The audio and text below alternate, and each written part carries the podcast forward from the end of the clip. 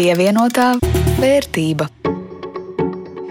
Sveicināti pirmdienā. Laiks raidījumam pievienotā vērtība, un ar to studijā Jānis Ramāns no Latvijas radio un Rudīts Pakauska no Latvijas televīzijas. Šodien par darbu un ienākumiem, vai šā brīža rādītāji ir tādi, par kuriem jāapsveic Latvija, vai arī tādi, par kuriem būtu jāsit lielais trauksmes zvans. Pieskarsimies arī investoru tiesībām un ielūkosimies kādā no biržas uzņēmumiem. Plāns tāds nepajokam, bet vispirms par aktuālo pievienotā vērtība. Bezdarbs aprīlī nedaudz sarucis, tā liecina Nodarbinātības valsts aģentūras operatīvie dati no 8,2% marta beigās uz 8,1% aprīlī. Bez darba vairāk nekā agrāk paliek tirzniecības jomā strādājošie, bet pozitīvi, ka aug arī cilvēku skaits, kuri atrod darbu. Tā šogad pie jauna darba ar NVA starpniecību ir tikuši 15,000 cilvēki, no tiem 5,000 darbu atraduši martā. Rīgas pilsētas būvvalde nolēmusi nākt pretī lielajiem tirzniecības centriem un nelikt sprunguļus to riteņus pieķos. Ārā tirzniecības un preču izsniegšanas teltīm neprasīs saskaņojumu. Bez saskaņojuma teltis drīkst būt 25 km lielas, bet rūpnieciski ražotās būvis nedrīkst pārsniegt 60 km2. Jau kādu laiku drīkst strādāt visi veikali, bet tirzniecības centros aizvien ir ierobežojumi. Nu, lai tos apietu vai ievērotu, daļa tirzniecības centru veikalu savu darbu pārceļ ārā uz teltīm. Britu aiziešana no Eiropas Savienības pirms četriem mēnešiem vienam no pasaules lielākajiem finanšu centriem Londonai nesusi vairāk nekā triljons eiro zaudējumus, tā liecina domnīcas New Financial pētījums. Vairāk simt uzņēmumu, galvenokārt no banku un finanšu nozares, ir pārvietojuši daļu savu biznesu uz Eiropas Savienības valstīm. Kopumā vairāk nekā 440 uzņēmumu no banku un apdrošināšanas nozares ir pārcēluši vismaz daļu uzņēmumu. Visbiežāk uz Dublinu, Parīzi, kā arī. Luksemburgu, Frankfurti un Amsterdamu. Pievienotā vērtība. Covid krīze nav atstājusi būtisku iespaidu uz darba tirgu. Tāds no vienas puses pārsteidzošs secinājums radās Latvijas bankas rīkotajā ekspertu diskusijā par darba tirgus nākotni pēc pandēmijas, bet no otras puses šur tur tomēr būtisks iespējas ir. Jā, un galvenais ietekmes virziens - tie, kuriem bija labi jau pirms krīzes, ne tikai nepalika sliktāk, bet pat palika labāk. Bet tie, kam nevisai labi klājās jau pirms krīzes, tas ir mazāk ienākumu, zemāka kvalifikācija, Covid laiki visu padarīja vēl sarežģītāku, skaidro Latvijas bankas galvenais ekonomists Oļegs Krasnopjorovs. Mums ir tā, ka atlaišanas patiešām visvairāk skāra tieši zemu algu saņēmējus. Mums samazinājās darbinieku skaits, kas saņem 400 eiro, 1000 eiro, pat 2000 eiro. Šo darbinieku skaits ir samazinājies.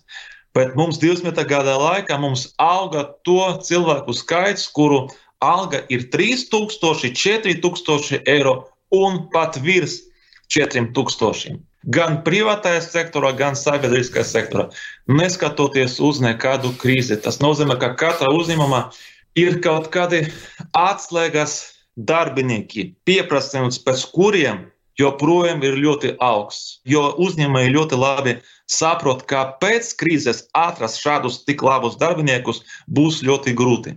Un tāpēc mums ir viena sabiedrības grupa, kura ir ļoti grūti atrast jebkādu darba vietu par jebkādu algu.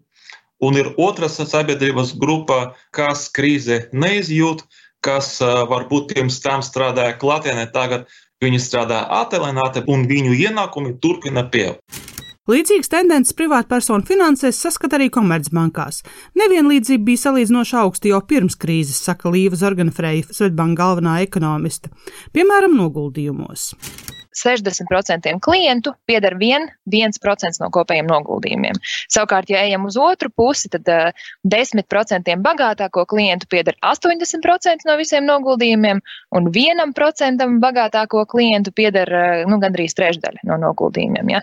Tā kā tas uh, fonds ir nu, ļoti nevienlīdzīga tieši tajā finanšu sistēmā, redzamajā ainā ir diezgan ievērojama. Un kā to mainīs Covid? Ienākumi tīpaši tām cilvēku grupām ar mazākiem ienākumiem būtiski nav mazinājušies. Pēc eksperts domām ir vairāk iespējamie iemesli, piemēram, ienākumus nodrošina valsts atbalsta pasākumu Covid skartajām nozarēm, vai arī tas, ka bankās jau redzama legāla ienākuma daļa, un iespējams samazinājums ir tieši tai ienākuma daļai, kuru saņem aploksnē, nemaksājot nodokļus. Bet kas notiek ar noguldījumiem bankās? Ja skatāmies uz pieauguma tempiem, tad uh, straujāk aug joprojām to mazo depozītu apjomi. Gads uz gadu tie procenti ir ļoti iespaidīgi tieši zemāko ienākumu galā. Bet jautājums ir, par ko mēs šajā brīdī runājam. Ja? Kas tie procenti ir? Tas, ko mēs redzam, ir, ka teiksim, zemākajā galā mēs runājam par mazākā 20 eiro kāpumu depozītos. Ja?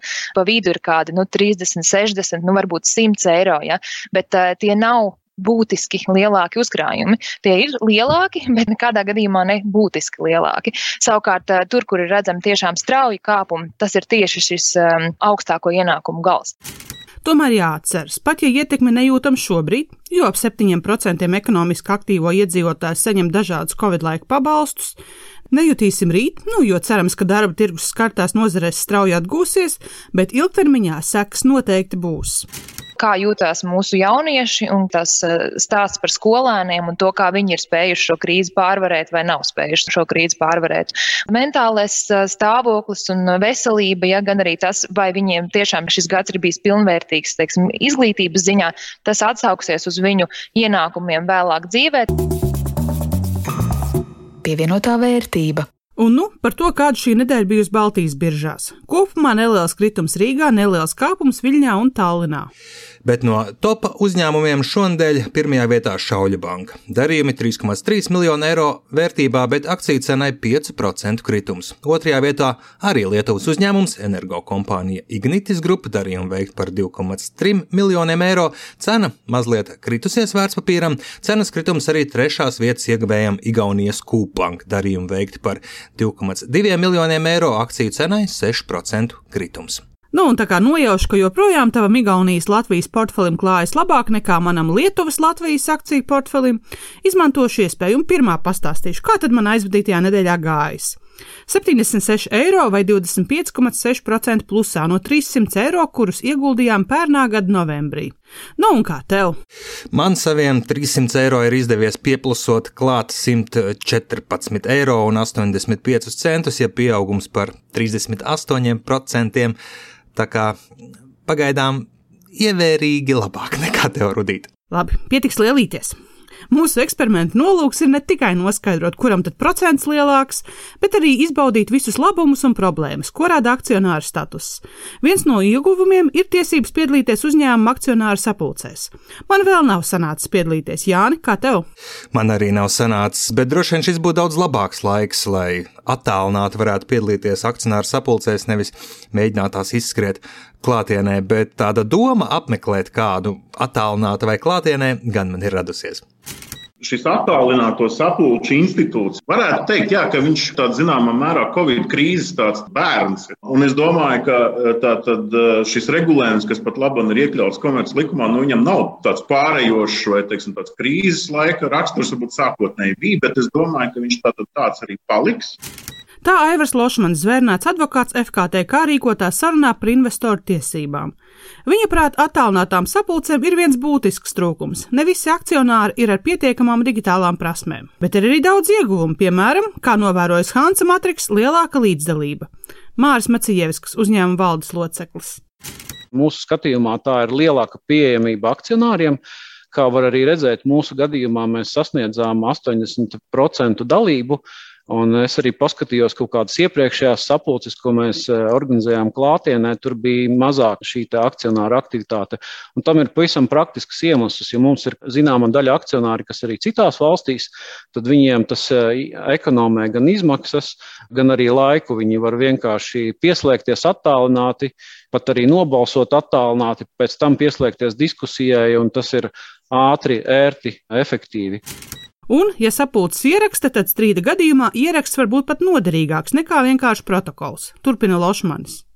Šeit tas ir ļoti laba lieta, kas ir attālinātām sapulcēm. Ja viņas tiek ierakstītas, tad, protams, strīdas gadījumā, ja teiks, lieta aiziet uz tiesu, ir ļoti labi redzams, kas tad šajā sapulcē patiesībā ir noticis, kas ir dažreiz problemātiski ar parastā kārtībā notikušām sapulcēm, kur ir protokols, bet nav, piemēram, veikts audio ieraksts. Ja? Tad te ir tīri praktisks labums no šīs attālinātās sapulces, ja viņi tiek ierakstīti. Un, attiecīgi, tiek protokols iztaisīts, jo bieži vien ir tā, ka dažreiz protokoli neatbilst tam, kas ir patiesībā noticis sapulcē, bet to ir grūti pierādīt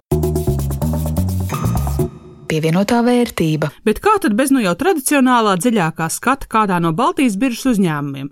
Šodien par vienu no Lietuvas būvniecības tirgus dalībniekiem - AB Penavežo Statubas Trestas, jeb PST. Un te jāpiebilst, šis uzņēmums ir arī manā akciju portfelī. Par to, kādas sekas būvniecības nozarē radījusi pandēmija un vai šobrīd ir īstais brīdis iegādāties lejušu būvnieka akcijas Lindas Zalānas veidotajā ierakstā. Lietuvas būvniecības uzņēmums PST ir ilgspēlētājs ar vairāk nekā 60 gadu pieredzi, kura laikā uzņēmums izcīnījis stabilu tirgus daļu pašmājās, kā arī konkurē citos tirgos, arī Latvijā. Latvijas būvuzņēmuma partnerības vadītājs Gints Miķelsons stāsta, ka Lietuvas būvniecības tirgus salīdzinot ar Latviju ir lielāks. Tā gada apgrozījums ir ap 3 miljārdiem eiro. Tur ir vairāk spēlētāji tur ir lielāki arī uzņēmumi un, un attiecīgi, nu, tur ir vairāk resursu un viņi ir jaudīgāki. Protams, lietuvieši ir arī aktīvāki arī uz citām valstīm eksportējot. Jā, nu, viņi attīsta tādu nu, sauksim to vērtību ķēdi pareizi. Ir ļoti spēcīgi attīstītāji lietuvieši, kas paši attīsta jaunus centrus, viņus, teiksim, projektē un, un uh, pasūta, ja, tad ir tālāk ir, ir, ir šie lielie būvnieki, kas arī ir, ir vairāki desmit, teiksim, tādu nopietnu uzņēmumu, un lietuvieši ļoti cenšas arī attīstīt savas ražotnes, protams, un tad, nu, tādā vērtību ķēdē skatās, lai ir pilns komplekts. Arī biržā kotētais uzņēmums PST ir nozarē labi zināms, sevi pierādījis. Es atceros piecus gadus atpakaļ, kad Latvijā sākās tēma BIM būvniecībā, nu, kad tā teikt jaunvārds, ko nozīmē šī digitālā projektēšana. Tad mēs braucām pie PST mācīties, kas ir BIMs. Jā. Viņi bija faktiski pirmie Baltijā, kas BIM bija ieviesuši, kur viņi jau savus projektus veids šajā jaunajā formātā. Viņi ir tādi tirgus līderi. Un, protams, nu, tas, ka viņi arī kotējās biržā, jā, tas arī liecina par to, cik viņi ir ilgspējīgi, atbildīgi un ar skatu uz nākotni. Protams, mēs gribētu, ka tuvāko nu, piecu gadu laikā kā divi, trīs lielie Latvijas būvniecības uzņēmumi varētu kotēties arī fondu biržā. Jo tas tomēr liecina par tādu tirgus briedumu, protams, par uzņēmumu arī attīstību. Uzkrājuma un ieguldījuma eksperts Kaspars Pēcinieks vērtē PST darbības veiksmes un neveiksmes biržā.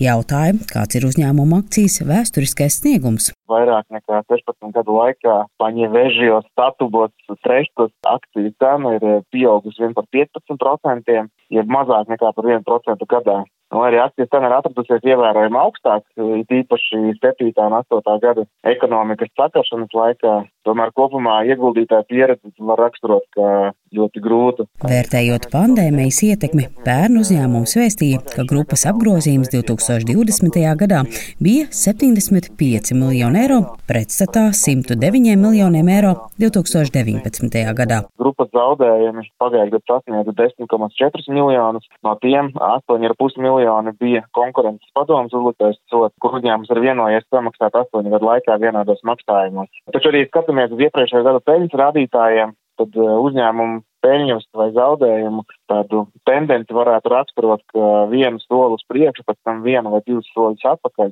Un iepriekšējā gada laikā kopējie zaudējumi sasniedza 8 miljonus eiro. Ja nebūtu šis lielais sots, tad tāpat tās būtu zaudējumi arī 8 gadu laikā. Ticamāk, nākamajos gados uzņēmumam izdosies uzrādīt neto peļņu, kas strādās līdzīgi kā ir iepriekš. Nu, taču soda izmaksas katru gadu būs nedaudz virs viena miljona eiro, attiecīgi tas tās būtiski ietekmi uz uh, naudas plūsmu. Tiesa pozitīvi var vērtēt uzņēmumu paziņojums par jauniem noslēgtiem būvniecības līgumiem, tomēr uzņēmuma finanšu situācija nākamajiem gadiem, vismaz pagaidām, ekspertam nešķiet spīdoša. Jautāja pēciniekam, vai ņemot vērā visus šos faktorus, uzņēmums ir vai nav pievilcīgs ieguldīšanai. Cenas un bilants attiecīgi ir relatīvi zema, tāpat arī cenas un apgrozījumu nu, tad šie rādītāji automātiski uzņēmumu nepadara pievilcīgi ieguldīšanai. Uzņēmumam vāja finanšu rezultāti gan Covid-19 ietekmes rezultātā, gan uh, uzliktās sodas dēļ. Un soda nauda radīs papildus slogu uz naudas līdzekļu plūsmu vēl nākamos astoņus gadus. Attiecīgi arī aktīvu relatīvais lētums tās nepadara pievilcīgas ieguldīšanai. Tomēr tiem ieguldītājiem, kuriem ir sajūta, ka Lietuvas būvniecības uzņēmums PST tuvākajos gados piedzīvos izrāvienu ar vērienīgiem būvniecības projektiem un situācija strauji tad mainīsies, šobrīd ir vērts apsvērt tā akciju iegādi. Linda Zalāne, Latvijas radio pievienotā vērtība. Ar to arī izskan šodienas raidījums pievienotā vērtība. To veidoja Rudīts Pakauska no Latvijas televīzijas un Jānis Ramāns no Latvijas radio. Paldies, ka pievienojāties un atgādinu, ka šo un citus raidījumus var klausīties arī Latvijas radio mājaslapā jūsu iecienītākajās podkāstu iegūs vietās arī. Uz tikšanos pēc nedēļas! Pievienotā vērtība.